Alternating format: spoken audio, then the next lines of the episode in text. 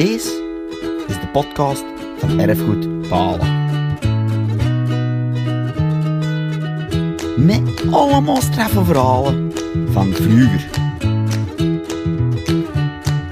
Zeg, zijn jullie ook zo curieus? Ah wel, we zullen de echte kruiers eens aan het woord laten. Veel plezier en geniet ervan. Van harte welkom allemaal in deze thematische podcast, die speciaal werd opgemaakt voor de 20e Erfgoeddag. Net zoals het brede programma staat ook deze aflevering volledig in het teken van de nacht. Speciaal daarvoor opende Erfgoed Balen ook dit digitale erfgoedcafé. Want als er nu op één plaats wilde verhalen tot leven komen en de werkelijkheid soms nog realistischer werd voorgesteld dan ze al was, dan is het toch wel tussen pot en pint. We trappen af met een kleine introductie over het nachtelijke feestgebeuren in ons dorp tijdens de kermissen en de jaarmarkten. Het is een tijd van het jaar, vandaar dat we dit zeker jullie niet willen onthouden. Daarnaast nemen we jullie mee op avontuur, langs spannende zagen uit de Kempen, over dwaaslichten in Broek, bokkenrijders, kettinghonden, hellehonden, de helle wagen en vooral gevaarlijke bendes in Balen die voor heel wat slapeloze nachten zorgden. Eén ding is zeker: de nacht spreekt tot de verbeelding en ook in de jaren stilletjes was dat al zo. We zullen starten met een specifiek type feestgebeuren waar Balen en de Balenaren toch wel enige reputatie aan overhouden. Onze kermissen en jaarmarkten, die zijn dan ook tot ver buiten de dorpsgrenzen bekend. De Septemberkermis of Balenkermis is historisch gezien een van de belangrijkste kermissen binnen Balen hij vond plaats op de zondag die volgde na het feest van de kruisverheffing op 14 september. Vermeldingen over deze kermis gaan terug tot het einde van de 17e eeuw. Deze kermis ging dan ook samen met een processie ter ere van Cosmas en Damianus, die een tussenstop had aan de kapel van Steeg. De geschiedenis leert ons echter dat deze processie dikwijls moest worden afgelast omwille van de slechte weersomstandigheden. Daardoor geraakte die kermis ook in de loop der jaren een beetje op de achtergrond. De processie gaat al tal van decennia niet meer uit, maar het feestgebeuren werd wel herleid tot de jaarlijkse parochiefeesten. Vandaag de dag is het vooral de jaarmarkt ofwel Balen met die vele bezoekers naar het centrum aantrekt en laat deelnemen aan de verschillende aspecten van het Balense kermisgebeuren. Deze vindt plaats op Passiezondag, dat is 14 dagen voor Pasen, en vooral de daaropvolgende maandag, Vandaag zeker de belangrijkste dag en afsluiter van het feestgebeuren. Waarom was vroeger de septemberkermis toch belangrijker en vooral plezanter dan de jaarmarkt? Wel, oorspronkelijk was het niet toegelaten om tijdens de jaarmarkt te dansen binnen de herbergen. Maar dat is nu wel anders natuurlijk. Waar in Balen kermissen plaatsvonden, valt meestal makkelijk te achterhalen via periodieke bronnen dat zegt ook heel veel over het uitbundige en vaak buitenproportionele gedrag van vele dorpsgenoten. Het feestgebeuren ging maar al te vaak gepaard met de gebruikelijke zelfkastijding en hoofdpijnen, maar waren ook zeer goed voor de lokale misdaadstatistieken. We gaan er even een mooie anekdote bijhalen van een buitenstander. In 1917, in volle oorlogstijd, werd volgende impressie neergeschreven door Edward Vermeulen, een West-Vlaamse vluchteling die tijdens de oorlog in Balen werd opgevangen. Hij hield tijdens die periode een geheim dagboekje bij en zijn beleving van Balen kermis sprak toch wel boekdelen. Ik citeer. Het is Balen kermiszondag. Hier, volgens het zeggen, was het iets in vredestijd met die kermisdagen. Drinken en dansen. Ja, zoals nu dansen ze hier nog en daar te landen tot ergernis der deftige dorpsheren, die, evenals wij, de feesten en brassen met het lijden van het land en het volk niet willen gepaard zien. S'avonds vertellen de Balense vrienden ons dat die kermisdagen over tijd echte sabbatfeesten waren, gevierd door dag en nacht.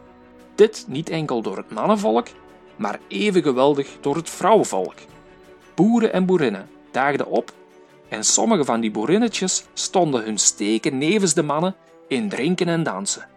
Bij het naar huis gaan die avond, en ook nog laat in de nacht, hoor ik gehuil en getier, wild gezang en godvers en mijn hertenbloed. Helaas, Zo ook is het bij ons in Vlaanderen. Het moet dus gezegd, de vrouwen moesten, en moeten trouwens, niet onderdoen. En de Balense kermisdagen vormen daar ook nog steeds een zeer effectief instituut voor de gelijkheid van mannen en vrouwen. Hoog tijd om eens te gaan kijken naar wat de nacht en de duisternis teweeg hadden gebracht in onze volksvertellingen. De nacht en de duisternis liggen in de Kempen en zeker ook in Balen en Olmen aan de basis van heel wat spectaculaire verhalen en fenomenen. Verhalen die enerzijds voorkomen uit de onwezigheid van een bijzonder landschap, en anderzijds verhalen en vertellingen die putten uit opmerkelijke natuurverschijnselen. Het Kempens landschap is een boek vol met verhalen. De mensen hier hielden van vertellen en dat doen ze eigenlijk vandaag de dag nog steeds. Ook wij gaan u vertellend meenemen. In onze regio treffen we heel wat landschapsvormen aan die toch wel tot de verbeelding spraken van onze voorouders, maar eigenlijk tot op de dag van vandaag de thuishaven zijn van wonderlijke natuurverschijnselen. Vele van die plaatsen hebben klinkende namen die duidelijk straffe verhalen herbergen. Je hoort het meteen. De Kopberg, de Rijsberg, de Keiheuvel, noem maar op. Vele van die verhalen zijn intussen onbekende passages geworden in volksvertellingen. In het beste geval werden ze ooit neergeschreven, om vervolgens in een of andere boekenkast te verdwijnen. En dat is toch wel spijtig. We nemen jullie dus heel graag mee op pad langs enkele betoverende plekjes. Plaatsen die vroeger gemeden werden omdat ze s'nachts dwaaslichten of dwaallichten sluimerden. Of plaatsen waar in de duisternis de duivel vertoefde. Overdag is hier alles rustig, maar s'nachts veranderde de streek in een duivels dansparadijs. Nachtelijke uitstapjes? Wel, dat was enkel voor de waaghalzen.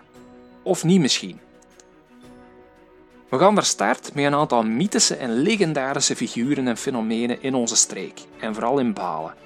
Daarna gaan we eens kijken naar enkele waargebeurde feiten uit onze lokale dorpsgeschiedenis. Een eerste puntje dat we aan bod kunnen laten komen zijn de kaboutertjes. Waar er bergen en heuvels zijn, daar vinden we ook kabouters. Helaas zou je dan kunnen denken, onze streek is zo plat als een pannenkoek. Nee, toch niet. We zijn namelijk geprivilegeerd met een zeer bijzonder en uniek landschap: de Kempense landtuinen. En hoewel die landtuinen slechts fragmentarisch de tand destijds en in de meeste gevallen de schub des mens hebben overleefd, kunnen we toch nog altijd een aantal bergen onderscheiden. Voor iemand uit de Alpen zijn dat inderdaad maar heuveltjes, maar voor ons Kempenaren waren dat heuse bergen. Heel wat plaatsnamen verwijzen nog steeds naar dat landschap en de Balense bergketen. De Rijsberg, de Nongelberg, Vogelsberg, Bosberg, Nagelsberg, Zavelberg, Kopberg. En zo kunnen we nog wel even verder gaan. Balen heeft bergen en bijgevolg ook kabouters. En dat kleine volksje noemden we hier de Alvermannekes. Zij die al iets ouder zijn dan een kik, zijn er zeker mee vertrouwd. Denk maar aan de ooit zo populaire tv-reeks Johan en de Alverman. Wel, die Alvermannekes vonden op de Savelberg, nabij de Rijsberg. En een anonieme getuigenis zegt ons het volgende over een bijzonder gebeuren op de Savelberg. De Alvermannekes kwamen er ooit een ketel halen om eten te maken. Gaf je de ketel vuil mee, dan kreeg je hem spiksplinternieuw terug. En ook op de Nagelsberg zetten de mensen vroeger voedsel aan hun achterdeur. S'nachts kwamen de kaboutertjes dan op de velden werken en aten tussendoor de lunch op die de mensen voor hen hadden klaargemaakt.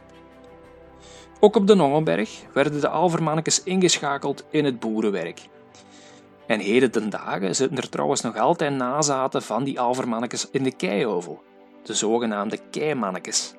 Recreatiedomein De Keiheuvel speelde daarop in en maakten het mogelijk om kinderen op pad te laten gaan met keikopke. Op de meeste plaatsen, vooral in Mollengeel, maar ook zeker in Balen, werden onze kleine vrienden vaak in verband gebracht met de Keltische grafheuvels. Die waren er hier en daar in de landtuinen zeer zeker. Archeologische vondsten in de Kopberg, maar ook op de Keiheuvel, vormen daar ook een bewijs van. Waren het nu die grafheuvels van waaruit de mensen wel eens bijltjes, muntstukken en andere spulletjes terugvonden? die de mensen in kabouters deden geloven? Of waren het misschien de geesten van de begraven voorouders die hier als alvermannetjes rondspookten? Tot op de dag van vandaag vormen de Kempische stuifduinen een en al bron van mysterie. En al zeker wanneer de duisternis is ingeslagen. Als we de volksverhalen mogen geloven, dan moet dat hier op de heide tijdens de nachten een lichtspektakel van je welste zijn geweest. Op alle verlaten plekken zagen de mensen dan ook dwaallichten. Op de heide of in broek bijvoorbeeld. In Balen hebben we ook een eigen naam voor die dwaallichten, namelijk dwaaslichten. De Balense dwaaslichten zijn vervolgens getuigenissen gelijk een velolicht dat hangt en zweeft. En over die dwaaslichten hebben we nog een heel schoon getuigenis teruggevonden, zoals ooit verteld door Theresia Theo. Iets buiten het dorp van Balen, vlak aan de beek, daar waren altijd veel dwaaslichten. Gret van de oude Wuiters, de oude Wouters, kwam daar eens doorgewaggeld, want hij was zat. Hij riep, ik zal dat hier eens gedaan maken. En hij stapte naar voor en wenkte naar de dwaaslichten. In plaats dat de dwaaslichten gingen vliegen, kwamen ze recht op hem af. Van schrik viel Gret op de grond en kon niet anders dan blijven liggen. De dwaaslichten bleven de hele nacht bovenop hem zitten. En zo zijn er nog volksverhalen over dwaaslichten in Broek. Waar de weiden laag gelegen waren, daar zweefden de dwaallichten. Als het dwaallicht wenkte, dan vloog het recht op u af. Dan moest je rennen voor uw leven. Eens veilig thuis, hoorden de mensen dan, pats, een harde klop op de deur. De dag nadien stond er in de deur een rode hand gebrand, de bloedhand, met geen water of verf eraf te krijgen. Vaak lieten de mensen dan ook een andere deur plaatsen. Iets dat er heel nauw bij aansluit is de zogenaamde elfurenmoeier. In Hulse was er zelfs bekend waar dat, dat wezen zich schuilhield. De elfurenmoeier verbleef namelijk in het buitenhofje van de pastorie. Dat is het moeras recht tegenover het huidige Giroheem. Dit buitenhofje lag tussen de merk en tent, en als de mensen bij het duister dat verlaten stukje straat passeerden, waren ze bang voor Delfurenmoeier, die zich in het moeras verscholen zou houden. Voor de nachtbrassers, die nog niet helemaal mee zijn met het verhaal, gewoon op tijd naar huis komen en braaf zijn. En dan was er eigenlijk niet veel aan de hand. In de heide kwam s'nachts dikwijls een vuurkoets voorbij, de zogenaamde hellewagen. De koets werd getrokken door twee paarden. Die konden je niet goed zien, want als de vuurkoets voorbij raasde, was het altijd pikken donker. Wat zagen de mensen nu eigenlijk als ze het hadden over de zogenaamde hellewagen? Was het gewoon het sterrenteken de grote beer die aan de hemel scheen? Of waren het vallende sterren die men wilde verklaren? Het is nog altijd een beetje onduidelijk. Een ander fenomeen is de kettinghond. In Hulse hadden de mensen bang van die zogenaamde kettinghond of hellehond. Dit spookdier is iets uniek voor onze streek en komt nergens anders voor in Vlaanderen. In Hulse en in Olme spraken ze heel veel over dat monster. Zo is er bijvoorbeeld het verhaal van Nans Sels. Die reed met een lijkkoets als er op Zavel iemand overleden was. Op weg naar de kerk van Hulse hield hij altijd stil bij het lopke, de loop, en bad er een weesje groetje en een onze vader. Waarom?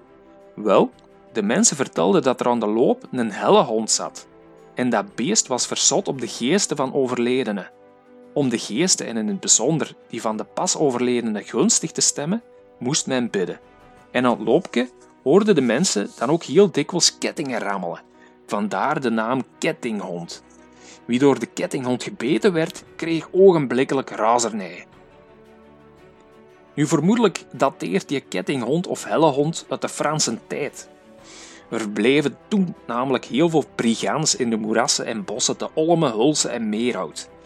En om de kinderen op de veilige afstand te houden, zei men er tegen: pas op, want er zit een kettinghond. Om even verder te gaan op die boerenkrijg, wel in Hulse en meer bepaald in de omgeving van de Kopberg vond een van de laatste slagen van de boerenkrijg plaats op 22 november 1798. Aanvankelijk boekte de zogenaamde Brigands, het Kempische boerenleger, heel wat overwinningen in onze regio. Maar telkens sloegen de Fransen terug met een groter en beter bewapend leger. De slag bij Hulse was een zeer hevig gevecht waarbij meer dan 200 brigands het leven zouden hebben gelaten. Ze liggen thans begraven in een massagraf op het kerkhof van Meerhout. Van die boerenkrijg zijn trouwens nog wel sporen terug te vinden. Zowel in Balen als in Meerhout uh, hebben we een Brigantstraat en zijn ook monumenten in Mol en Meerhout.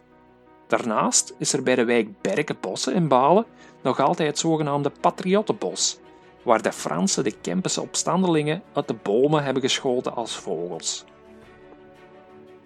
Een ander wijdverspreid fenomeen in onze streek was de hekserij. Er bestaan dan ook heel wat volksverhalen over dames met magische krachten. Misschien een beetje oneerbiedig, maar de bronnen zelf spreken wel heel direct over zotte wijven. We konden alvast een mooi Balens volksverhaal terugvinden over duivelse activiteiten. Ik citeer. Een knecht verbleef op een boerderij in Balen. Hij sliep er op een kamer naast de meid. Op een nacht hoorde hij haar opstaan. Hij volgde haar stilletjes. Ze liep naar de keuken en nam een pot. De meid wreef erover en fluisterde zachtjes over haag en heg naar Keulen in de wijnkelder. En ineens was ze weg. De knecht wilde er het fijne van weten. Hij nam de pot en sprak: Breng me door haag en heg naar Keulen. Zo had de meid het natuurlijk niet gezegd. De knecht verdween ook, maar kwam vol builen in Keulen aan. Ah ja, hij was niet over, maar door de haag en heg gevlogen. De hele nacht mocht hij wel meefeesten met de heksen. Tegen de ochtend namen ze hun bezems en vlogen ze terug naar huis. Hé, hey, riep de knecht, ik kan niet vliegen. Vliegt maar met mij mee, zei de meid. Maar je moet wel beloven dat je Gods naam niet zult uitspreken. De knecht beloofde dit en meteen kwam er een grote bok. De knecht en de meid gingen erop zitten en de bok schoot weg. Toen kwamen ze aan een meer. En de bok nam een aanloop en sprong. Dat was begon een grote sprong, zei de knecht. En ja, hij viel direct van de bok af en kon nog drie dagen wandelen alvorens hij terug in Balen aankwam. Zij die dus nog wat nieuwe inspiratie zoeken voor een weekendje doorzakken, het is maar een suggestie. Wat we hier hoorden is een verhaal dat ook een link maakt met de zogenaamde bokkenrijders. In Balen bestaat er zelfs een verhaal over hoe dat je die mannen moest herkennen. Op de Nongelberg hadden ze het trucje om bokkenrijders te herkennen. Vaak hadden de bokkenrijders een beeld van een bok. En als ze zo'n beeld hadden, dan hadden ze veel macht. Het was dus een soort van fetish. Op de Nongelberg was er een knecht en die had zo'n beeldje. Hij was aan het werken op de heide. Zijn vrouw vond het beeldje maar onnozel en gooide het in het vuur. Vanuit het nieuws stond de man er plots. Hij haalde meteen het bokkenbeeldje uit het vuur. Het bewijs dat deze knecht een echte bokkenrijder was. De Balense heksen hielden van nachtgebruik. Soms trokken ze naar Keulen om te dansen en te feesten, maar ze ontmoetten elkaar ook dichter bij huis. Zo zijn er Balenaren die ooit een heel harde heksen voorbij zagen vliegen. Die wilde bende, de zotte wijven waarover al sprake was, trokken nog eens door naar de steen van Poortje Staak. Staak is een legendarische balenaar en die leefde tijdens de 18e eeuw. Hij zou verantwoordelijk zijn geweest voor heel wat brandstichtingen in de streek. Uiteindelijk zou hij zelf in brand worden gestoken in een. De steen waarop dat, dat gebeurde stond nog altijd aan de pastorie van Oostham. De omgeving van Schoor en Schoorheide hadden ooit in Balen en omstreken ook een kwalijke reputatie. Nergens zaten er zoveel katten als in Schoor. En katten, dat betekenen natuurlijk heksen. Als je met een mestvork of een riek in de grond stak in Schoor, dan hoorde je een hels geschreeuw. Dat waren de heksenkatten van Schoor. En als er nu één plek was bij uitstek voor de aanhangers van de zwarte magie en spokerij, dan was het toch wel de kapel van Schoor. Daar dansten de lokale heksen met heel veel zwier rond. Ook was de kapel een verzamelplaats voor framossons. Twee keer per jaar spraken ze daar af om in de kapel te feesten. De framossons waren vrijmetselaars die hun ziel aan de duivel hadden verkocht. En tijdens de feesten hoorden de mensen dan ook de hele nacht kettingen rammelen. Daarnaast zijn er ook wel wat spookverhalen over moordenaars op de heide. Er zijn verhalen waarin wordt verteld dat er in Schoorhei iedere nacht een spook van een overleden moordenaar opdook. Een boer van Schoor stak ooit zijn riekende mesthoop in de hoop dat dat spook zijn velden zou bemesten. Dat gebeurde helaas niet. Het kunnen dan ook niet overal alvermannetjes zijn. Een ander spookverhaal is dat over de baron van Balen-Wezel. Voor de komst van de zware industrie in Balen was het geheugd fabriek, of het latere Balen-Wezel, een grote lap heidegrond waar de enkele hoeves op stonden. In het jaar 1860 kocht baron Pierre van der Gracht de Rommerswaal bijna alle gronden op en liet in Balen-Wezel kasteel bouwen. De baron wilde op die manier de landbouw in Balen-Wezel verder uitbouwen. De baron was een doorwinterde liberaal en steunde dan ook de liberale harmonie de Eendracht in Mol. Dat was natuurlijk een doorn in het oog van vele katholieken, die zoals dat ging ten tijde van de verzuiling ook een eigen muziekvereniging hadden, Sinte Cecilia. De baron van Balen-Wezel speelde een verdienstelijke rol in de nutbouw van de Molse scholen. Zo richtte hij onder andere de eerste vrije gemeenteschool van Mol op, knal in de dorre heide van Molrouw. De school kreeg dan ook heel snel omwille van de afgelegen ligging de spotnaam Woestijnpaleis met zich mee. De baron was met andere woorden een excentriek, opvallend figuur waar veel over gesproken werd. Er ontstonden dan ook de wildste verhalen over deze man en zo ook de volgende passage konden we over hem terugvinden. Toen de koetsier van het kasteel de baron van Balenwezel in Herentals moest gaan ophalen, danste er de hele weg door de bossen spoken rond de koets. De volgende dag werden de paarden doodziek. Het is zeer aannemelijk dat de politieke strijd tussen de verschillende zuilen hier aan de basis ligt van de nachtelijke verschijnselen en nogal wilde fantasieën. Zo ging dat wel meer. Dan zijn we stilletjes aan toegekomen aan de realiteit en het stelen en bedriegen in de duisternis, die toch wel tot wat bronnenmateriaal hebben geleid. Nachtelijke activiteiten worden dan ook vaak met clandestine en bedrieglijke praktijken geassocieerd. De duisternis vormde dan ook de perfecte dekmantel voor zij die minder goede bedoelingen hadden. We selecteerden voor u twee verhalen, eentje van Bertolt Pech en nog een ander verhaal van Anna Benedicta Bergmans.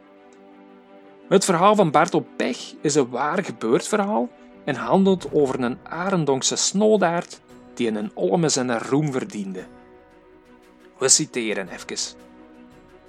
In de nacht van dinsdag op woensdag van 7 op 8 mei 1705 stal Bartel Michielsen, want dat is zijn ware naam, in Olme bij Lambrecht Meijten een koppel ossen. Hij stouwde de ossen over Balen en Mol naar de heide in Arendonk. Daar liet hij ze achter.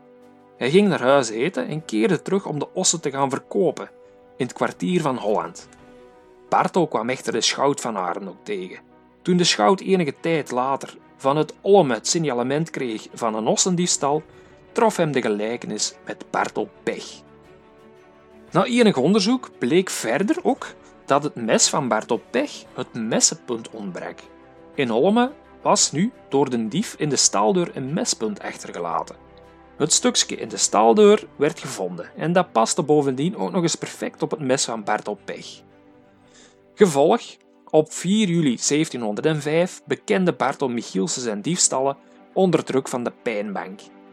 En de den gevangene gesteld geweest zijnde op den stoel in den halsband van omtrent 7,5 uren tot omtrent het kwart voor negen uren voormiddags en de middelertijd, de torturen onder protestatie zijnde gerelaxeerd, heeft een gevangene op de voorgeschrevene vragen geantwoord en geconfesseerd.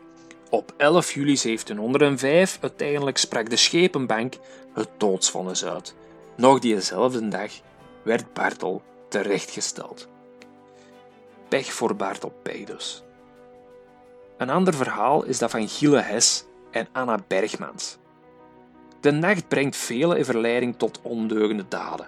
Zo ook Anna Benedicta Bergmans, 34 jaar, wonende op het Rot in het gehucht Steeg onder Balen.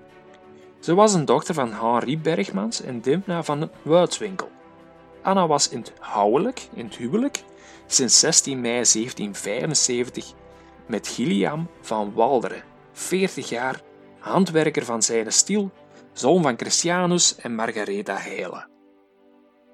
En Anna Bergmans werd beschuldigd van in het duister verscheidene diefstallen begaan te hebben in huizen, bakhuizen, schuren, stallen, in het veld, de hoven slagen en dreigementen te hebben rondgestrooid, alsmede met andere suspecte personen te hebben aangehouden, de gestolen effecten te haar huis te hebben gekluist en verkocht te hebben. De aanleggers waren de heer Schout de Swerte uit Mol en twee schepenen uit Brussel, Jan Franciscus Dumont en Jan Baptist van Kempenhout.